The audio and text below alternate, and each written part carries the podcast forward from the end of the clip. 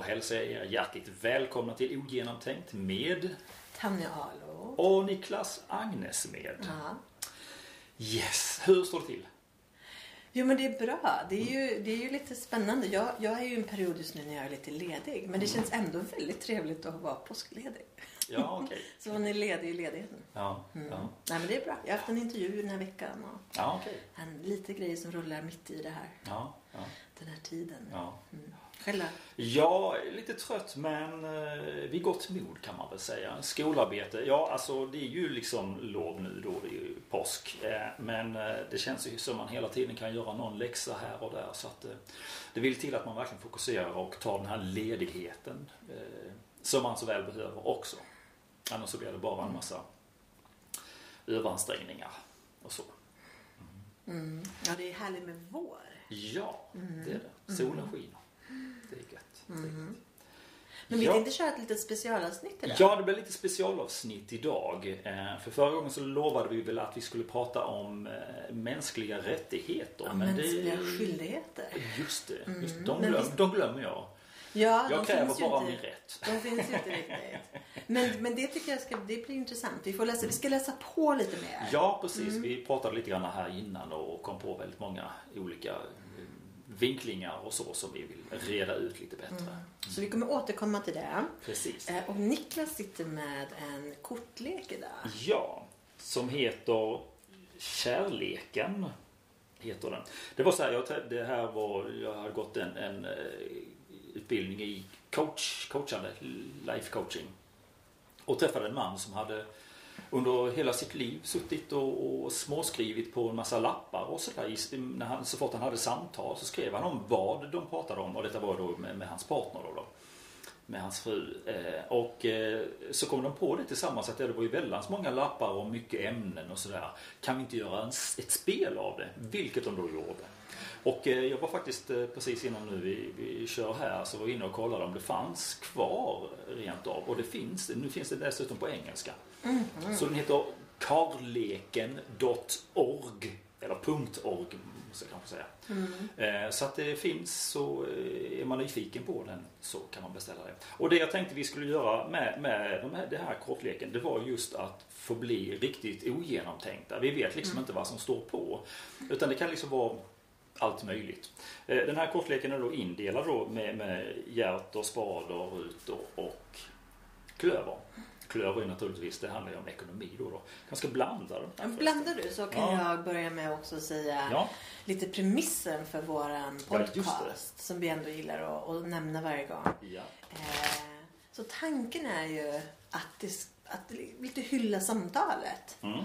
Eh, inte så mycket åsikterna utan, utan tankarna och ehm, ja, det är vägen som är mödan värd. Ja. Inte, inte målet. Eh, och, och ha ett vänligt samtal. Mm. Eh, och också kanske att föra fram tankar och åsikter eller tankar och idéer som inte nödvändigtvis behöver vara sånt som du och jag står för utan sånt som vi ser eller ser från andra håll som vi vill som lyfta för att det liksom ligger i ramen för ämnet. Mm. Och skulle vi tycka någonting så kan vi ändra oss också. Ja, Det, det för att vi är ungdomliga. Ja, det finns utrymme för argument och eh, Jag får, förändring. får, lägga in det som en liten förklaring. Att eh, jag ser ju att man, man kan ändra sig. Det ser jag som ett tecken på att man är ungdomlig. För att det finns en så här det finns lite forskning som visar på att eh, ju äldre man blir desto mindre benägen blir man att byta åsikt eller ändra sig. Så det vi... Jag lutar, mig mot, jag lutar mig mot min devis när det gäller just den biten och det är att det mesta har jag ingen aning om. Mm. Och jag tycker det, det, det, det ja, bara det liksom att jag går i skola och läser till mättekniker här nu. eh, Alltså, det är inte många ord jag känner igen därifrån i det vanliga samhället. Liksom. Så att det, det, det har blivit en sanning för mig. Att det, det mesta har jag ingen aning om. Det är också en stor ödmjukhet i det. Ja, frustration kan det vara också. Jag vill veta mer. Ja. Det tycker jag är ändå lite spännande. Nu kommer vi in på en fråga innan frågorna. Ja. Eller en tanke innan frågorna. Men just det här att eh, för det finns några barn i min omgivning som är i tidig skolålder. Och jag upplever ju att det är en ålder när barnen blir lite odrägliga. Då också. kanske man får lägga till det där. Men jag säger lite på skoj. Men, men eh, att just när de börjar skolan så att de kan bli att de får en upplevelse att de, är så, de kan så otroligt mycket. Mm. Eh, och jag skulle snarare säga att det är lite en kännetecken också på någon form av vishet. Att man upptäcker vad man inte kan. Eller att det är så mycket man inte vet och hur lite man faktiskt vet om saker. Mm. Mm. Men just det här när man kan när man, när man eh, har lärt sig saker och inte förstår omfattningen. Ja, då kan det ju vara lätt att tänka sig att man kan väldigt mycket. Mm. Mm. Mm. Det här har jag faktiskt en, en, en upplevelse av när jag gick i, jag tror det var femte klass. Mm. För det var det på engelska lektionen och vi tränade typ det här somebody, someone och anybody and anyone. Och jag lyckades få rä, rätsida på det och jag kände mig så klok. Mm. Eller jag, det, är ju ingen, det är ju ingen känsla utan jag kände mig stolt snarare. Liksom, Mm. att jag fattade det liksom. Och det tyckte jag, ja var, var en skojig upplevelse. Mm. Ja, nej, men jag har haft lite diskussioner med de här barnen i min omgivning när de är så här. Eh, jag vet precis hur det ligger till. Okej, du, vet, du vet så lite. Det finns lite mer att lära sig. Ja, ja. ja, det är sånt man får upptäcka allt eftersom. Ja, och ibland Det- kanske man också har en, en lite odräglig person som talar om det för en. Ja, jag kom på en annan eh, variant av det. Det var, det var eh, jag har jobbat på Operan tidigare, jag jobbade i Operakören då, då och eh, ibland så plockar man ju in eh, Eh, barnkörer också. Så, där, så vet jag att det var en kille som, som eh, sjöng solo, eh, gossopran då helt enkelt. Eh, och så var det en kollega som gick fram och, till honom och sa det att ja, det, det låter fantastiskt vackert om det när du sjunger. Och så sa han bara Du, jag kan sjunga skjortan av dig när som helst. Eh, riktigt eh, kaxig attityd. Det roliga var att den här killen han var ju eh, liksom inte riktigt pojke utan började liksom klättra över till puberteten. Varpå han tuppade vid ett tillfälle i målbrottet, alltså när han stod och sjöng solo. Och han såg inte så kaxig ut sen. Ja, det är lite så livet knackar på. Ja, ja. För de flesta är det ju ändå det. Så är det. liksom. Mm. Så är det, ja precis. Kortleken är blandad. Yes. Hur gör vi? Ja, men jag, jag kan dra ett kort. Ja, Jag kan dra första Men, kortet. ja, ska vi se. Eh, då drar vi det där. Ska jag läsa? Eller ska jag... Ja, precis. Jag Vi får se, se vad det står och vad det blir av det här. Oh. Okej, då tar vi den här. Nu kommer vi, nu kommer vi starta... det är rivstart som starta gäller det här nu. blir rivstart. Okej, okej. Eh, hur mycket tid får sex ta av ert gemensamma liv? Du, du, du, du, du. Mm. Här finns det också fyra alternativ. Ja, okej. Ska vi läsa dem? Ja, men vi kör på det. Ja, så alternativ A. Eh, sex är viktigt för mig. Jag vill att vi lägger massor med tid på sex så länge vi orkar och njuter av det. B. Min sexlust kommer och går. Jag vill att vi väntar tills båda känner lust. C. Min sexlust beror mer på min partner än på mig. Är han eller hon sexig och kärleksfull så ökar min lust. Eh, och D. Är mitt eget alternativ. Alltså någonting som vi tycker. Ja, okej. okej. Mm. Mm. Men jag tänker att eh, det blir lite privat. Så Ja, jag det blir att lite- om, vi, ja. om man pratar den eh, lite lyfter den Ja, lite, kan prata det till lite så, mer ja. generellt. Mm, mm. Eh, så tänker jag att eh, en, en viktig fråga som jag tycker i det här ämnet är att man diskuterar i sin part, med sin partner så här, hur mycket man skulle vilja ha. Mm. Så här, hur, hur mycket, hur, hur ser dina behov ut för att du, som, du ska känna dig nöjd? Mm. Det kan ju komma och gå lite såklart, så det kan man Mm, diskutera flera gånger. Men just, eh, är det en gång per dag, en gång per vecka, en gång per månad? Eller liksom någonstans, vad, hur ser behoven ut? Mm. För det tänker jag att de ändå de flesta har, som är lite äldre, ändå har någon mer bild av. Mm. Och om man är väldigt olika som partner så kommer ju det att få Mm. eh, Mm. Man kanske ska definiera sex här också. Mm. För vad du tänker liksom, när du nämner då när man är äldre, då tänker Mm. jag liksom ännu äldre, att då kanske det inte är så mycket sex liksom som penetration. som penetrationen är Mm. precis utan det kanske handlar mer om närhet liksom, beröring, vara nära också. Om man skulle inkludera det och så. Jag blev lite trött när du läste eh, första förslaget där och tänkte det- att oj, nej men det där pallar inte jag. För det var ju liksom Ja. mycket, mycket hela tiden. Ja, precis. Ja. Lägger massor tid. Men, för, jag- men jag skulle säga, eh, apropå den första frågan, det är ju eh, med prioritet. Mm. Vilken prioritet Mm. sex har i ett förhållande. Och jag tänker ju bara att för många... För, jag ska backa lite här och Mm, säga att jag tycker att det är intressant just eh, när det gäller sömn Mm. och sex. Mm.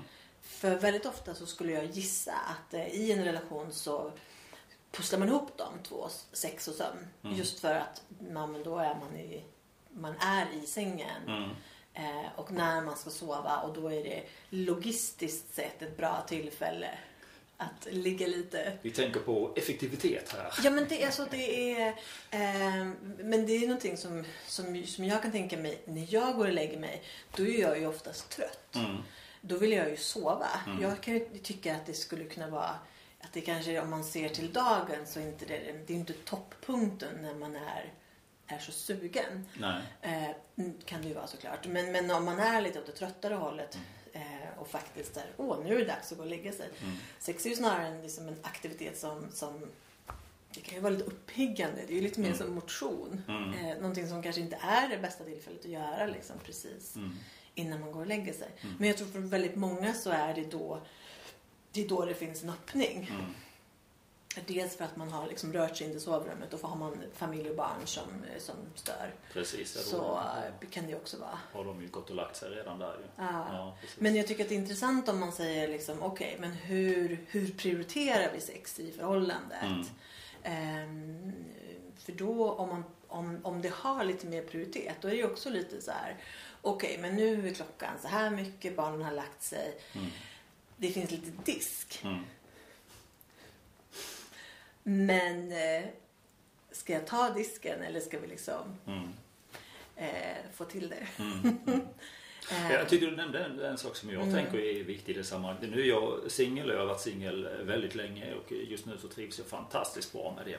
Men det jag tänker det är liksom också att du säger att saker och ting förändras från tid till annan. Och jag menar att det behöver inte vara så himla lång tid emellan egentligen. Utan att ha, ha ett pågående samtal om det kanske rent av. Liksom, var är jag nu någonstans? Jag menar, är jag deprimerad så blir det inte mycket gjort. Eller blir det mycket gjort på grund av att jag vill fly från den känslan. Mm. Och då har ju sex helt plötsligt blivit någonting helt annat än, än vad det kanske är tänkt. Eller eh, njutning liksom.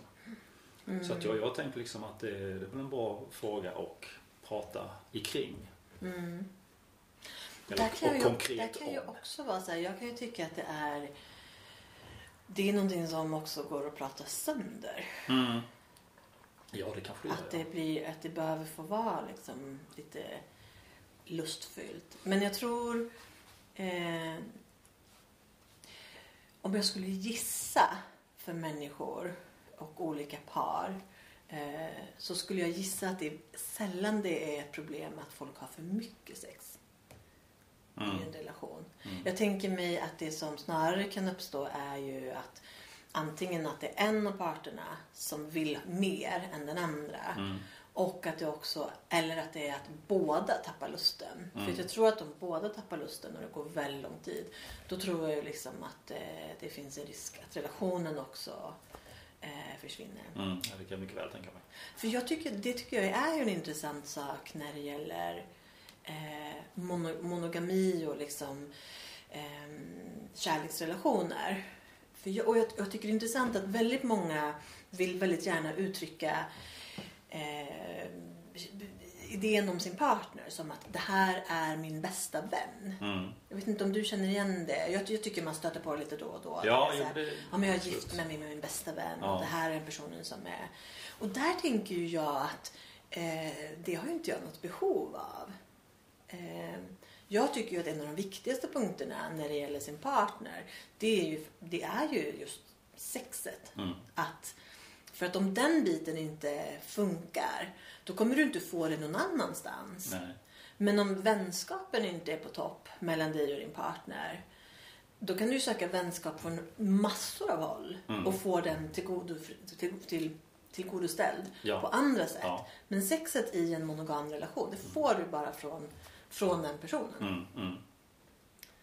Eh, och samma sak, så, så egentligen också som, som sex, eh, att man kan trivas ihop och, och när man bor, om, man, om man bor ihop. Mm. Och sen också om man har barn tillsammans att man Mm. har lite gemensamma värderingar. Mm. Mm. Men för övrigt så tänk- tänker jag att man har ganska lite behov av...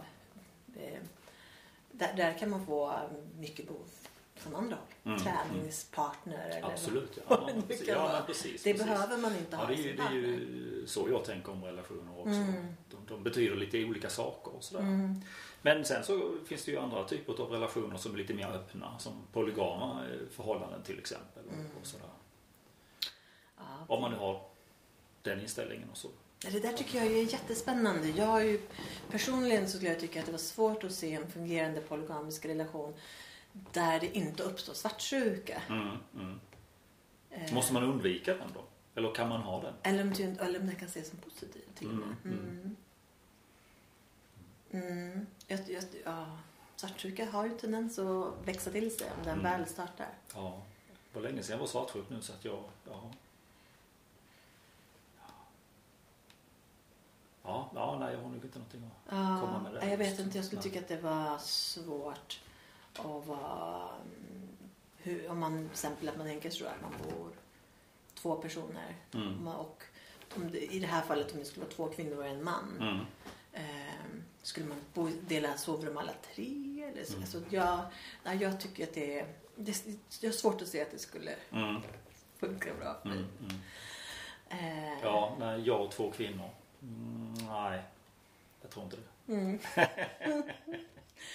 Nej, och där har man ju också om man skulle tänka sig att man skulle ha eh, en... Eh, eh, för det där är ju intressant. Om man då tänker sig en polygamisk relation eller en poly- med förhållande. Mm. Men man har då tre parter. Då tänker jag ju någonstans att alla tre skulle behöva ha något intresse för alla tre. Mm.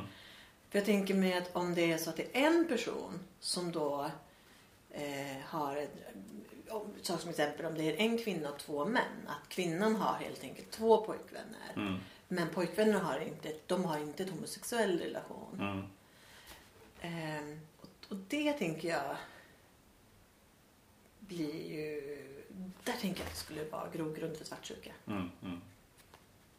Mm. Ja, nej, det är inte omöjligt att det är så.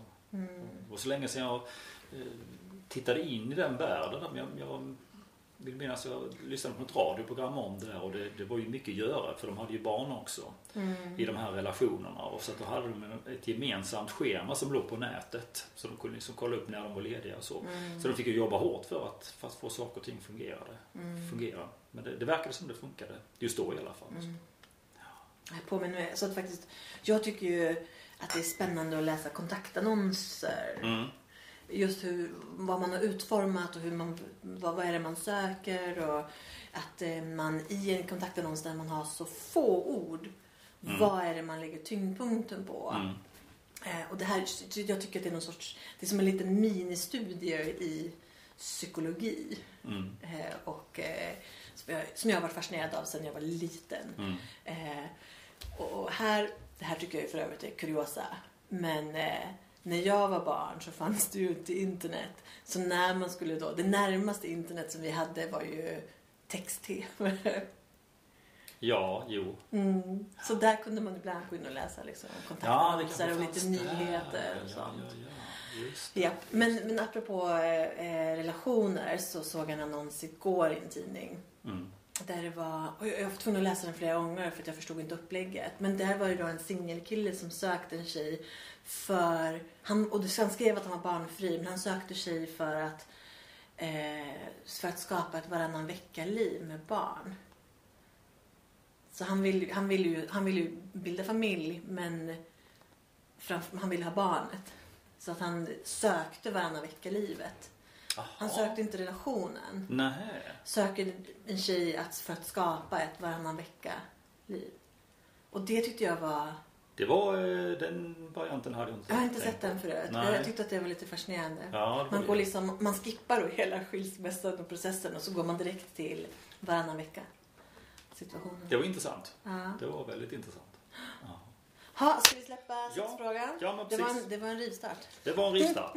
Kanon. Du får du hålla i kortleken här så får jag. Yes, då tar vi nästa. Där tog jag den. Barnuppfostran. Så bra att vi fick den, eh, framförallt jag då som är så duktig på det. Eh, eh, hur ser du på sättet att fostra barn? Ska jag ta alternativen? Mm, kör på det. Eh, A. Jag tror att barn behöver veta vad som förväntas av dem. Barn ska lyda vuxna. B. Jag tror att barn ska bemötas med kärlek och respekt och ha tydliga, goda förebilder i oss som oss föräldrar. C. Jag vill inte begränsa mina barn genom förbud och regler. Barn ska få vara barn. D. Mitt eget alternativ. Vilket det här tycker jag är lite roligt. Man skulle kunna säga att åtminstone A och B står ju inte direkt i motsats till varandra. Eh, Jag tror att barn behöver veta vad som förväntas av dem. Barn ska lyda vuxna. Jag tror att barn ska bemötas med kärlek och respekt och tydliga goda förebilder i oss föräldrar. Ja, nej, det håller jag med om. Mm. Precis. Jag kan ju säga att du och jag, om man utgår från sig själv så ehm, har ju min, jag har ju inga barn. Ingen av oss har ju barn. Eh, min sambo har, har barn från en tidigare relation. Och vi har ju ganska samma syn. Eller vi har väldigt samma syn på, på uppfostran. Vilket gör ju otroligt mycket enklare för oss. Ja. Eh, för det gör väl kanske inte situationen enklare för barnen eftersom att vi är otroligt strikta. Mm. Eh, och eh, det är väldigt tydligt med. Så det, jag tror alternativ A låg väl närmast för min del. Mm. Med att det ska vara eh, väldigt tydligt och det ska vara, de ska veta vad som förväntas. Mm. Jag tycker också att barn ska ha förväntningar på, på sig. Mm. Eh, och det tycker jag handlar om att man eh, pushar dem uppåt. Eh, att man faktiskt säger att det här klarar du. Mm. Du är inte liksom någon liten, någon liten knatte liksom. Du är inget spädbarn Nej. som inte klarar av. Utan du klarar att duka, du klarar att bädda din säng, du klarar av att vika dina kläder, du klarar av att packa din väska. Mm. Eh, alla de här sakerna klarar du. Mm.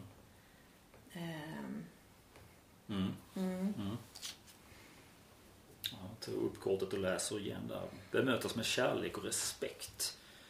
Eh, För jag tänker kärlek där. Kärlek är ju liksom också eh, vad jag tänker. Det beror lite grann, alltså, jag vill inte begränsa mina barn. Nej, se där. Jag vill inte begränsa mina barn genom förbud och regler. För jag började tänka i såna här flum, flumtermer. Mm. Eh, Att kärlek kan vara liksom lite flummigt och att man får lov att liksom göra vad man vill och sådär. Men jag, tycker, jag tänker liksom att kärlek är ju liksom att uppfostra till en vuxen person som tar eget Mm. ansvar. Att Mm. ta eget ansvar för, för livet.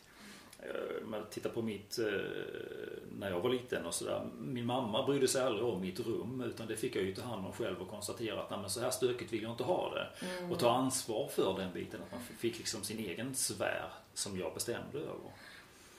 Eh, För det är liksom också en del utav kärleken. Tänker jag. Mm. Så man inte blandar ihop de två begreppen. Mm. Ja, det där tror jag, och jag tänker det bara, vi har en liten innergård där vi bor eh, och där härjar barnen på ganska, ganska fritt. Mm. Eh, och jag upplever att det är en sån liten förflyttning i samhället. Och, nu, och med då i åtanke att jag tycker att det är, ett, rimligt att man har det här lite striktare uppfostran. Mm. Så är det klart att jag kan reagera mer på då. Men, men det är ju väldigt mycket att barnen springer runt och de skriker och de, de är, mm, som det är cykelställe då går de och drar i alla cyklar och de sparkar på grejer och springer i rabatterna. Och Mhm. Det är väldigt mycket och det finns liksom inga, föräldrarna de är inte närvarande och de Mm. säger inte till. Eh, och jag tycker även när man är ute och promenerar så är det så här, man möter barn, de springer fram och tillbaka över hela vägen och föräldrarna de säger ingenting. Och man tänker bara, men vi behöver, vi behöver ju funka tillsammans Mm. i samhället. Mm. Och hur ska liksom barnen kunna göra det när de aldrig får lära Alltså det är klart, vi ska Mm. inte säga aldrig. Men jag ser ju bara den lilla situationen. Mm. Men även där tänker jag att man måste, man behöver, hallå, dra till sig. Mm. Och det kan man fortfarande göra på ett tydligt för jag tycker mest att det handlar om tydlighet. Mm. Det är, eh, du behöver visa hänsyn till andra människor. Det finns andra människor här Mm. som också behöver Mm. eh, rymmas på plats. Och det är inte okej att du springer och har sönder grejer och inte, inte respekterar Mm. eh, omgivningen. Det finns väl ett talesätt där som säger att det krävs ett helt samhälle för att uppfostra ett barn. Mm. Eh, Man måste nog våga lägga sig i också i, Mm. ibland när man ser någonting och säga ifrån. Och jag skulle ju säga, för att sticka ut hakan lite. Men Mm. jag jobbade ju som simlärare när jag var, när jag var tonåring. Jag Mm. började när jag var 13. Och jobbade som simlärare, simlärare bra, bra bit upp i 20-årsåldern. Mm. Och jag blev ju förvånad över att barnen var hur barnen härjade Mm. och hur de betedde sig. Eh, och nu tänker jag mig också såklart att, att eh, barn testar ju liksom. Mm. De testar ju den som de har och möter. Ehm, men, men jag var förvånad ibland över hur de, hur de eh, betedde sig. Mm. Och också då när deras föräldrar var med. För då blir det ju också tydligt. Det kunde till exempel vara ja, men barn som vägrade att samlas när, när man skulle avsluta. Och som skulle fortsätta Mm. springa runt och leka och sådär. Eh, och som inte ens när föräldrarna kom så eh, hängde de på. Utan de betedde sig illa helt enkelt. Okej. Ehm, och jag var förvånad över att föräldrarna inte var striktare i sin, Mm. Då som 13-åring. Men jag kommer ju också från en bakgrund med väldigt strikta, strikt uppfostran. Mm. Så det är klart.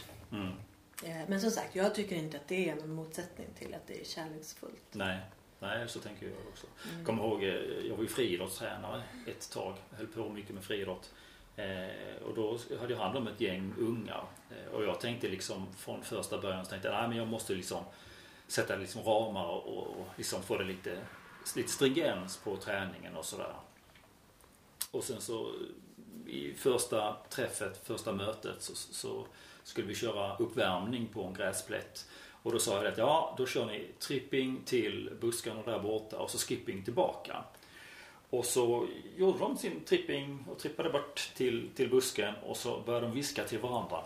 Ska vi kasta gräs på Niklas? Mm, det gör vi. Så det var det jag fick. Det var liksom första mötet med dem där. Det, den här strikta, kontrollerade. Det, det höll inte så jättelänge. Men det gick bra sen i alla fall. Liksom. Men, men de testade mig verkligen. Ja, det var skojigt. Det var roligt. Ja. Ja, Mm. ja, men det är ju det är ju lite spännande. Mm, jo men det är det. Ja. Och min syster berättar ju mycket som är lärare. Hon berättar ju mycket från, från skolmiljön. Mm. Och där är det ju också situationer där faktiskt barnen är ja men kan mm, gå och plocka på sig någon liten kniv eller eh, ja, och du kan ju vara bordsknivar men jag menar, en kniv kan ju även en sån kniv Den kan ju skada- användas vara till skada, vad den liksom. inte ska. Ja. Så det är definitivt, det Mm. kan vara hårt. Mm. En hård miljö. Tar vi nästa kort tycker jag. Nästa kort. Mm. Se om vi får något. Eh, vad vi får nu. kommer ett helt gäng. Så. Eh, för att förhållandet ska fungera anser många experter att man tydligt ska visa och berätta vad man vill och känner inte minst när det gäller sex. Vad tycker du? Okej. Jaha. Vi har varit inne lite grann på Ja, det det. är som jag plockar de här lite. Ja. Eh, ehm, och då är alternativ A, min partner ska intuitivt förstå vad jag värdesätter i förhållandet och i sängen. Det behövs inte många ord. B, jag vill att vi ska kunna säga vad vi uppskattar hos varandra och hur vi upplever närhet och beröring. C, jag tycker det är svårt att prata om hur jag känner och vill ha det. Mm. Där kan jag ju säga B. Ah. Man behöver prata. Mm. Fast jag måste ju säga att eh, om jag ser till mina, dels till min nuvarande relation och så också tidigare relationer. Så har jag, jag har ju haft, och det här tror jag också är, jag är lite mellanbarn. Så att jag, får, jag anpassar mig lite efter, efter vem jag är med. Mm. Ehm, och definitivt i relationer. Men jag har ju haft båda. Både där man överkommunicerar. Mm. Och sen det där man, där man inte kommunicerar med Mm. ord. Mm. Och jag tycker att det är lite underskattat faktiskt. Mm. Att inte prata liksom allt. Jag sa precis det förut. Men att det är saker som... ehm, det finns en film med eh, Angelina Jolie och Sean Connery och, som har många år på nacken. Men där de pratar om att ehm, talking about sex is like eh, dancing about music eller någonting i den stilen. Men att, att allt går inte att uttrycka Mm. verbalt. Mm. Det tycker jag också finns en, Mm. en tanke. Mm. Att man faktiskt, bara en sån här sak att i vissa relationer så har man väldigt lätt till de här orden att, att uttrycka att jag älskar dig. Mm. Eh, och vissa så har man inte det. Mm. Det kommer inte lika naturligt. Nej, nej. Och vissa överanvänder det också. En, en kompis till mig som brukar det. Hon strösslar med det med, med uttrycket. Vilket gör att det finns ingenting mer. Det finns liksom inget högre nej. att ta till heller. Mm. Eh, det kan man tycka är både bra och dåligt kanske. Men eh, ehm, det kan helt enkelt se olika ut. Mm. Men Det här har jag nu berättat någon gång tror jag, just det här med, med jag, de orden jag älskar dig. För det som för mig där blev, blev det högre, det var just närvaron med den personen. Mm. För, för när jag yttrade de orden då kände jag att då sabbade jag någonting. Mm. Utan, utan det var liksom stå kvar i det bara Mm. och bara vara i den närvaron. Det var, det var en Det är lite det här jag brukar beskriva med eh, jag kan både känna det som när det gäller kärlek men, men jag tror framförallt när det gäller tacksamhet. Jag tror att vi nämnde det tidigare någon gång. Mm, när det gäller om tacksamhet. Ja, det tycker jag är en sån sak som när man försöker sätta ord på det. Då blir det någonting, det blir som fernissa. Det blir någonting ovanpå som Mm. inte har riktigt med det att göra. Mm. Jag kan ju liksom verbalt uttrycka liksom att jag är tacksam att jag har ett jobb. Jag är tacksam Mm. för att jag är frisk. Mm. Men det är inte att känna sig tacksam. Mm. Men ibland så får jag de här, som, det är som en våg som bara sköljer Ja, över. visst. där jag bara känner tacksamhet Mm. så otroligt starkt. Mm. Mm. Ehm, och jag skulle nog säga att allt kan man inte riktigt Vissa saker är också att du, man kommunicerar liksom med, är det någon man står nära, man kommunicerar ju på andra sätt. Mm. Ehm, och bara med, med beröring och Mm. Eh, när jag var i sluttampen av en, en relation för ett antal år sedan. Då var det ju just det jag kände. Det blev så uppenbart när jag träffade andra vänner som hade väldigt, väldigt tajta relationer. Och man liksom ser den här lilla kontakten. Liksom, den lilla beröringen. En hand Mm. på en arm eller på en axel. Eller liksom Mm. någonting. Men det här lilla där man, visst, man sitter lite ihop. Mm. ehm, som är som en helt annan kommunikation än, än det verbala. Ja, ja. Eh, Jag funderar lite grann här så poppar det upp i mina de här new age-kurserna som jag har varit på. Och så där. där har det ju varit en del tantra. Eh, och som jag då skulle beskriva som en, en otrolig närvaro med en annan människa. Eller Mm. bara vara närvarande i sig själv för den delen. Ehm, och då är det just det som det har handlat om. Just att ha riktigt bra ögonkontakt och liksom bara landa i det. Eh, och det är ju inte, och det är ju helt utan ord Mm. då. Det är ju ingenting som uttrycks utan det är, det är bara en, en enda stor upplevelse utav det. Mm. Så att det ligger nog någonting i det där med, Mm. med prata sönder och ja, hitta den balansen. Det här är också så spännande. Jag tänker ju just också när det gäller ögonkontakt. Att när man skapar den ögonkontakten så blir det väldigt intimt. Jag Mm, kan ju mm. uppleva att när man tvärtom inte har ögonkontakt Mm. så kan det verkligen öppna upp för att människor pratar av sig. Inte nödvändigtvis att man pratar med samtalar med varandra. Men Mm. just att jag, jag, jag upplever det ofta när jag åker tåg eller buss eller flyger. Eh, om jag, jag sitter bredvid en person som jag inte känner. Mm. Helt plötsligt har personen bara öppnat upp sig Okej. och bara berättar hela sin livshistoria. Mm. Eh, utan att jag kanske har bjudit in till det, Mm. vad jag upplever. Mm. Men, men och jag tror att det är just det här att man, där har man inte fått den här ögonkontakten. Nej. Utan man ser varandra lite från sidan. Och det är någonting där som bara bjuder in till att Ja, bjuder in att prata. ja, precis. Eh, För det, det har jag nog upplevt med, med när jag varit hos psykolog också. Att man kanske inte sitter så rakt Mm. fram, eh, framför varandra som vi gör här. Utan man sitter lite på, på sniskan. Man kan titta bort lite grann. Och det här påminner lite grann om den katolska bikten. Mm. Också man går in i en biktstol. Eh, och där finns ju så att säga, man, man kan ju inte se prästen man pratar med. Utan då, då pratar man ju liksom fritt. Och någon Mm. svarar på det. Eh, Så det kanske är enklare att öppna sig Mm. på det viset också. För det kan jag ju faktiskt känna liksom Mm. att det är ganska läskigt att titta in i någons ögon. Det är ju, det, som du säger, det blir ju Mm. intimt väldigt snabbt. Ehm, Så att det, är inte alltid jag gör det heller. Mm.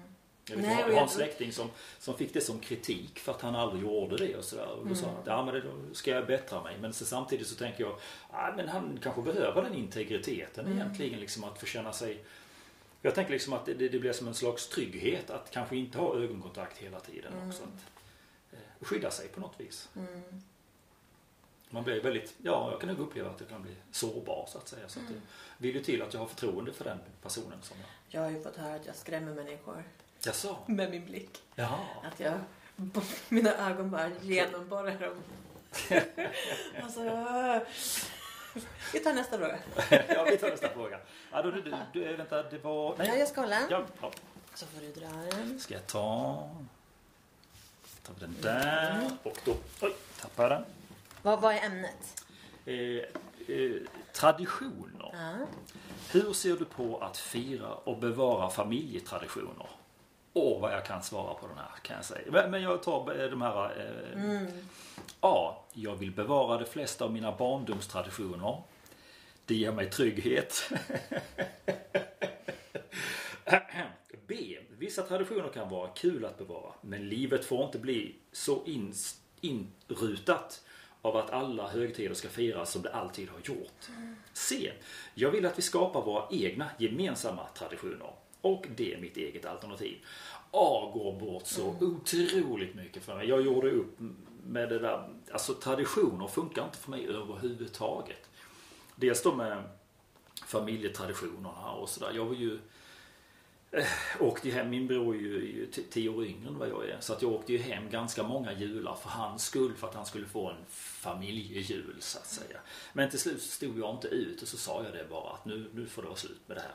Men även andra traditioner som eh, på ett jobb så hade vi då att vi åkte ut i skärgården med en, med en kollegas båt. Eh, och det gjorde vi, jag vet inte hur många år jag var med där och jag blev väl den som tog hand om maten och fixade sådana grejer också. Det, det jag la märke till det var liksom att vi efter ett par år satt och pratade om tidigare år. Hur kul det var och vem som var med och så. Och då var det som att nu är vi inte närvarande här längre. Det här finns inte riktigt längre. Och så. Och sen, sen dog den traditionen ut. Eller jag, ja, jag tyckte att någon annan kunde få ta hand om och, och inköp och sådär. Och då föll det liksom, liksom per automatik. Men jag har väldigt svårt för det. Jag kan tycka att saker och ting, ja, men det blir kul att göra det några gånger. och Så. Men sen är jag lite klar och det har jag märkt med mig själv också i övriga livet att jag blir färdig med saker och ting. Och då, då är, alltså traditioner, nej det funkar inte för mig alls. Ja, Jag, jag känner ju väldigt mycket igen mig där också. Okej. Ja. Ja, och nu är det ju påskhelgen så, att, så att Ja. jag satt, vi satt faktiskt och diskuterade det här, jag och min sambo idag. Ja. Just att, för någonting som jag uppskattar det är ju att, att det här, det behöver inte se likadant ut varje år. Eh, utan det kan få skalas upp och det kan skalas ner Mm. utifrån vad man, vad man känner för. Mm. Eh, och får man helt plötsligt ett jättebehov av att liksom pynta hela, hela hemmet i, i påskfjädrar, ja men då kan man, då kan man göra det. Mm. Och sen nästa år så kanske man inte gör någonting alls. Mm. Eh, eller så äter man liksom lite sill. Det, Mm. ja, det, det, får vara, det får se ut. Och jag, jag har nog inga, jag har inga traditioner som jag upprätthåller. Och Nej, jag har nog också upplevt det här när... ehm, för jag, jag är ju väldigt fascinerad av just folk som har väldigt specifika vänskapskretsar. Mm. Alltså där de är kanske mellan fem och tio personer som ses. Och de, det är ju lite den här vänner-konceptet. Okej. Där man är, är en liten grupp och de är tajta. Det är de mot omvärlden. Mm. Ehm, och, och de ses liksom alla högtider. Och det ska vara midsommar och det ska vara påsk och nyår. Och ja, jul kanske man firar med sin biologiska familj. Mm, mm. Men, men annars är det liksom det är den här kretsen som är. Och jag har ju upplevt när jag vid lite olika tillfällen har varit med. Det kan till exempel ha varit att man har dejtat någon och så har man liksom varit med i den konstellationen. Mm. Och jag känner mig så oerhört obekväm. Ja, man blir Eh, lite utanför. Har jag ja, upplevt i de ja, situationerna. men också att man kommer in och ser... Jag har nog upplevt att det här känns väldigt osunt. Att det är, det, det är inte så himla härligt. Utan att det kan finnas... Ja, men lite som du säger. Det är så här, man pratar om sånt som man gjorde förr. Och, Ja. eh, ja, det, nej, jag vet inte. Det, jag, jag, jag, känner, jag brukar känna mig obekväm Mm. i de situationerna. Mm. Och jag tycker nog snarare att det är tacksamt att kunna hitta på nya saker. Mm. Sen tycker jag att det är trevligt med de traditionerna vi har. Att de ligger lite som ett lager och man kan liksom plocka från dem som Mm. man känner. Mm. Eh, så är det jul, ja men då kan man välja liksom Eh, ja, men ska jag liksom dekorera lite eller mycket och jag kan sätta upp en adventsljusstake eller en stjärna eller så låter jag bli. Och, men det finns... Eller gör man som jag, att man har den kvar året om. nu pekar jag upp mot mitt fönster. Undrar vad grannarna på andra sidan säger om det. men att det, jag, jag, kan tycka att det är trevligt att det finns liksom, det finns ett lite färdigt koncept som man kan välja eller välja bort. Mm, ja. eh, och, och, det, och det skapar någon form av kontinuum eller alltså så någon, det är ett litet ramverk mm, mm. på året. Eh, och jag gillar liksom våra jag tycker om våra svenska traditioner. Jag älskar Lucia till exempel. Mm. Det är en tradition som jag tycker är... Mm. Och det är en tradition som håller på att dö, dö ut. Mm. För att... Alla ska vara Lucia.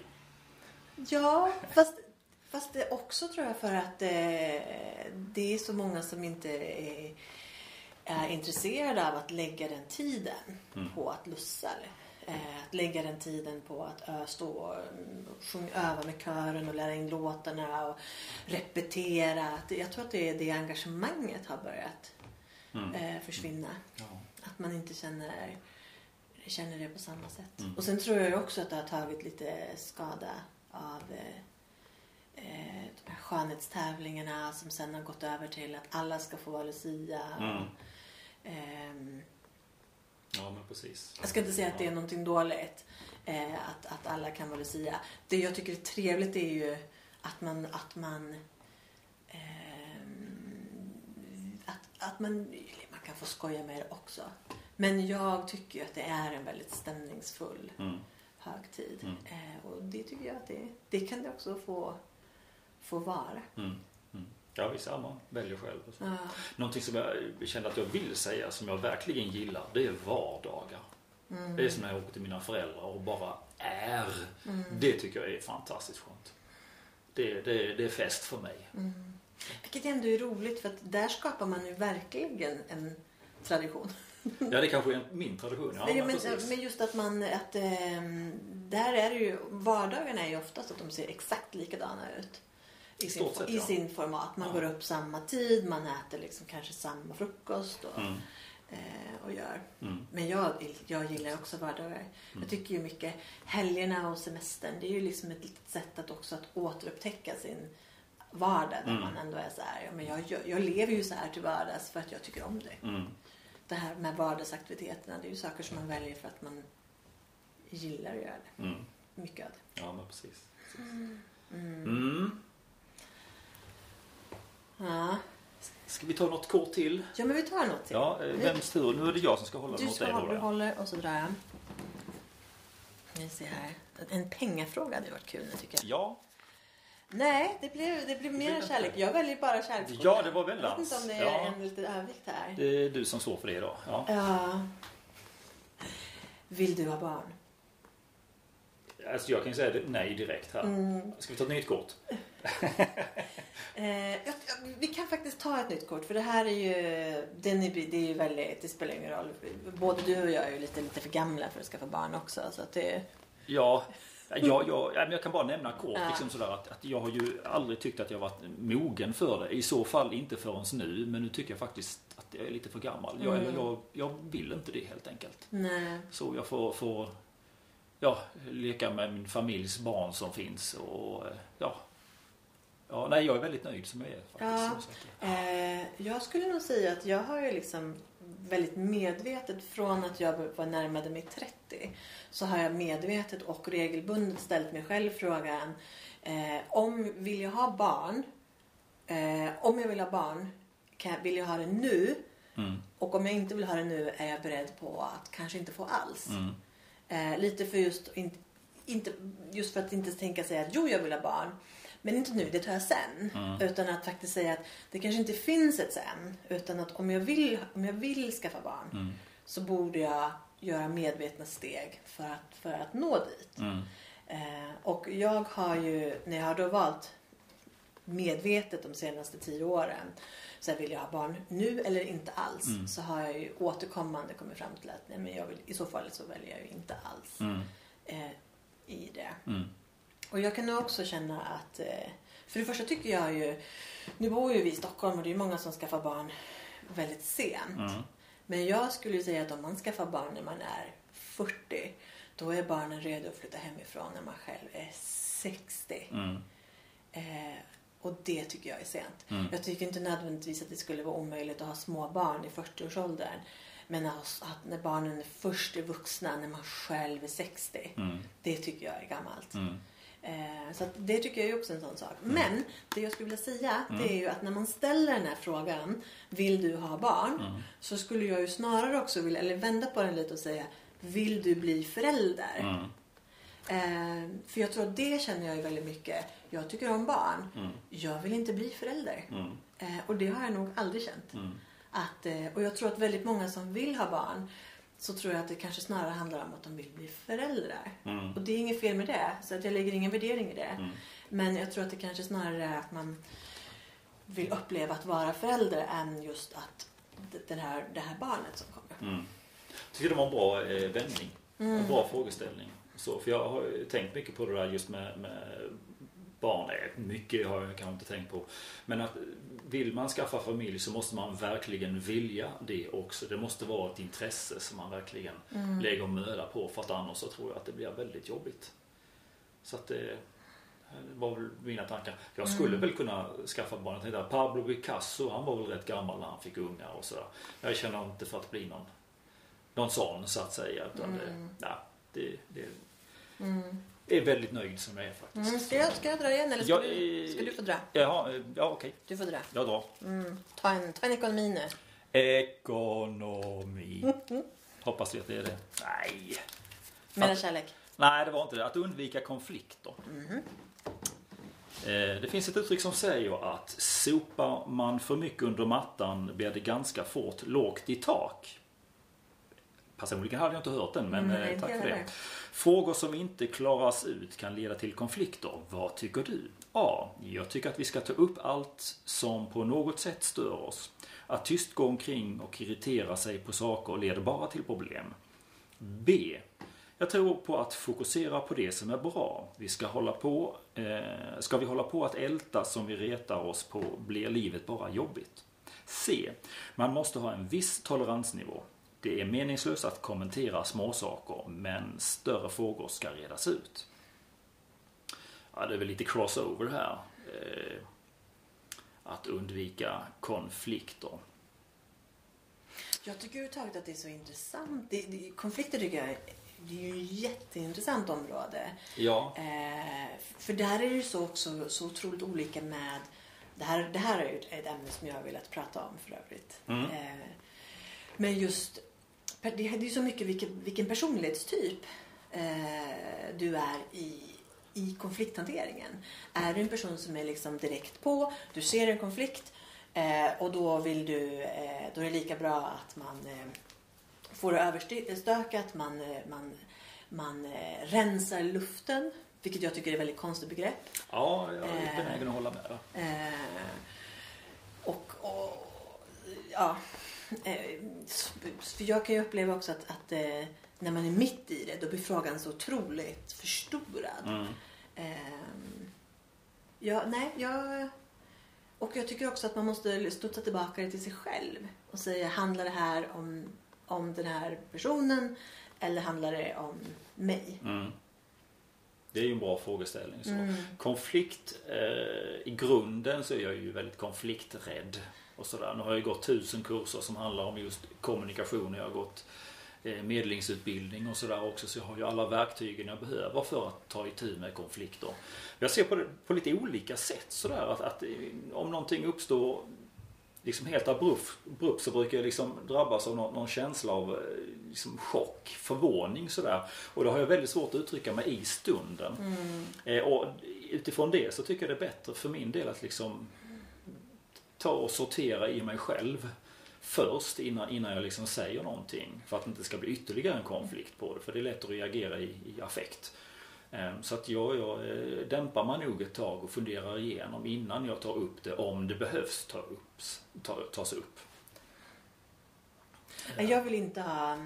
Jag skulle nog säga att jag är inte konflikträdd. Men däremot är jag konflikttrött. Mm. Eh, på det sättet att jag kommer från en, från en som sagt mellanbarnet i, som, som är lite känt för att vara den som dip, är diplomatisk och som Mm. medlar mellan olika parter. Men jag kommer ju då från en, en släkt där det är, eh, det är yvigt, det är, det, det, det kanske, ja, det, det, det exploderar.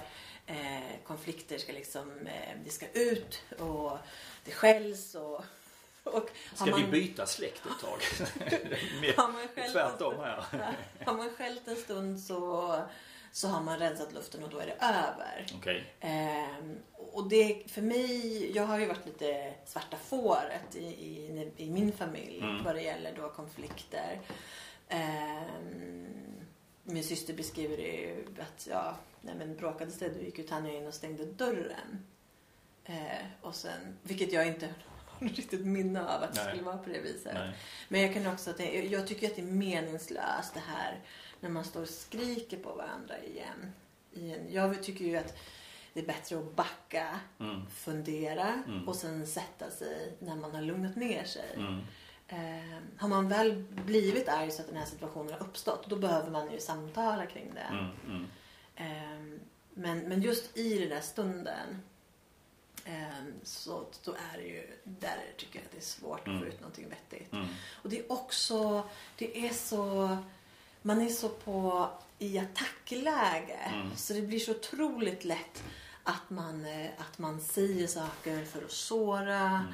Och de där, det sätter sig som, som små taggar som, Mm. som inte försvinner. Mm. Eh, Så jag tycker att man behöver vara, man tycker att i en konflikt så behöver man vara så försiktig med vad man för fram. Mm. För att det, kan, det är sånt som kan leva kvar liksom i en livstid. Ja, det blir lite som, som betingningar helt enkelt. Mm. Så att det, det är det man associerar personen med just de orden som Mm. sades och hur man var just Ja, det det kan, bli så, det kan bli så himla starkt. Ja, det kan det bli. Nu funderar jag lite här. Och alltså, det- det finns ju metodik som gör att man kan skrika på varandra också i jag-form. Till och med. Mm, Jag har aldrig hamnat i den situationen själv. Nej, jag, jag tänker nog att jag vill backa lite faktiskt och fundera igenom på situationen, vad som hänt, vad som har hänt i mig och vad, vad jag skulle kunna gissa om den andra för att ha, ha ett, eh, ett samtal faktiskt. Jag tycker också att man behöver lite skapa bra förutsättningar runt omkring. Mm. Till exempel att man inte är trött, att man inte är Ja, hungrig. ja. Eh, att man inte är irriterad över någonting annat. Mm. Utan att man är så här: okej, men vad är det i den här situationen som, eh, som, som stör mig? Liksom? Mm. Många gånger, och det är väl just det som vi precis var inne på, men just att många gånger så är ju det man är arg på, det är ju egentligen att man har haft en viss förväntan på hur den andra ska bete sig. ja, men precis. Och så gör de inte det. Nej. Och då är man arg över det. Jag Mm. förväntade mig att du skulle göra det här och Mm. du gjorde inte det. Jag bara, Mm. nähä, Precis, precis. Ja. okej. Mm. Ett litet tips här då till alla människor som hamnar i konflikt, eh, parrelationer och familjerelationer och vad det nu är för någonting. Det är faktiskt att man kan plocka in en medlare om det är så att det är liksom lite knepigt. För att ofta så blir det liksom att man tänker att ja, nej, vi har en konflikt och det kan vi inte reda ut. Det funkar inte. Det, det, det funkar aldrig. Men, men eh, jag skulle nästan vilja utmana. Alltså ibland så går vi faktiskt till psykolog också. Eller coach eller vad det nu kan vara. Och det, det, alltså just det här med non-violent communication är ju liksom ett sätt också att medla mellan människor. Så att båda två blir hörda. Mm. Eh, Men det, och det, det, där kan jag rekommendera just en medlare för det. Så eh, skulle det vara så så hör av er till mig. Jag känner flera stycken förutom mig själv då, då som, som också håller på med det. Så det finns metodik för det. Det finns det. Jag tycker ju också att det är intressant. Nu, nu är ju uppenbart att du och jag är ju båda av typen eh, blir man arg så vill man backa och fundera och sen Mm. kanske ha en diskussion efteråt. Mm, ja men precis. Att okej, eh, igår när du sa det här då kände jag så. Mm, precis. Men, men eh, som sagt, sen har du ju också den här typen det här som är mer åskvädret. Mm, Eh, det laddas upp, det laddas ur och så är det klart. mm, Eh, jag ser ju en risk där att man har egentligen inte löst frågan. nej. Man har avreagerat sig men själva frågan finns fortfarande kvar. Mm, och den tror jag är svår att lösa liksom i den här urladdningsögonblicket. Men uppenbarligen så här, sen har du den här rena konflikträdslan mm, där man liksom inte vill ha diskussion utan man trycker undan det mm. ehm, och fokuserar på det som är bra. Precis. tills allting väller över. Mm. Och då kan det bli. Mm. Då kommer liksom allt fram. Mm. För det jag tycker är viktigt är ju egentligen med, med, som är just med konflikthantering. Det är ju att man inte bygger på lager och sen så tar man fram hela Hela kittet. Hela kittet. Bara, Arsenalen. men för tio år sedan då sa du det här. Utan, utan där, och, och där är det ju viktigt att man faktiskt eh, blir klar med, med gamla konflikter så att Mm. de inte adderas. Liksom. Mm. Ja, Och har man inte rätt ut den så är det klart att då kommer den poppa upp Mm. nästa gång. Ja, definitivt. Ja, ja. Ja, ja. Ja. Det här var roligt. Ja, det här var Ja. jättespännande. Så fick ju ni lyssnare lära känna oss lite mer och vi också för den delen. Så Ja. jag tyckte det var lite kul. Nu var det ju väldigt ogenomtänkt. Det blev ju så. Ja. Så att det, det kan väl bli fler gånger. ja, men jag tror att det blir fler gånger. Jag tycker också att vi har ju varit ganska duktiga nu. Vi kanske ska plocka ut tenta. ekonomibiten så vi får den också. Ja, några sådana. Det blir väldigt... eh, Det blir också... Det, nu Det blev väldigt kärleksfullt kan vi säga. Där blev du väldigt kärleksfull. Ja. Ehm, ja, nej, men det, Ja, jag, tyckte, jag tyckte att det här var ett kul upplägg. Så det Ja. får vi som säga, säga igen då. Var det karleken.com? Eh, org. .org. Ja, Mm, om man är intresserad av att göra det här hemma. Precis. precis. Mm.